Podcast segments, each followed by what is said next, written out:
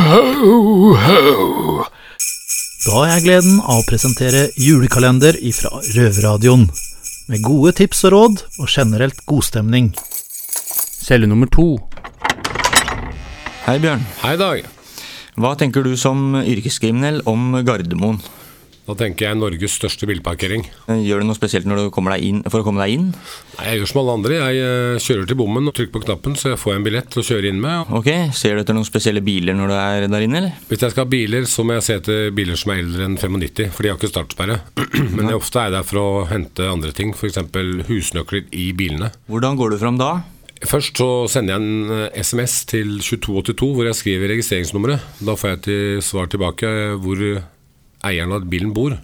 Ok, så Bor han i Bergen, så dropper jeg det. Det blir for langt å reise. Bor han i Asker og Bærum eller i Akershus, så er det gammel bil. Så dirker jeg blåsen med noen hjemmelagde dirker. Eller så er det en ny bil, så knuser jeg ruta og setter meg inn, later som ingenting. Og leiter gjennom bilen til jeg finner husnøklene. Veldig mange parkerer bilen der med husnøklene inni bilen. ok. Er det noen kameraer og sånn der oppe, eller? Så dere kan bli sett?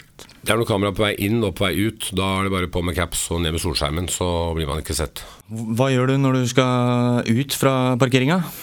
Nei, altså hvis jeg har vært der i under ti minutter, så kan jeg bruke den samme billetten. Putte inn i billettboksen, og bommen åpner seg og kjøre ut.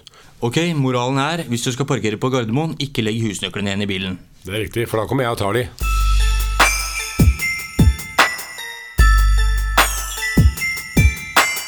Ho, ho, ho.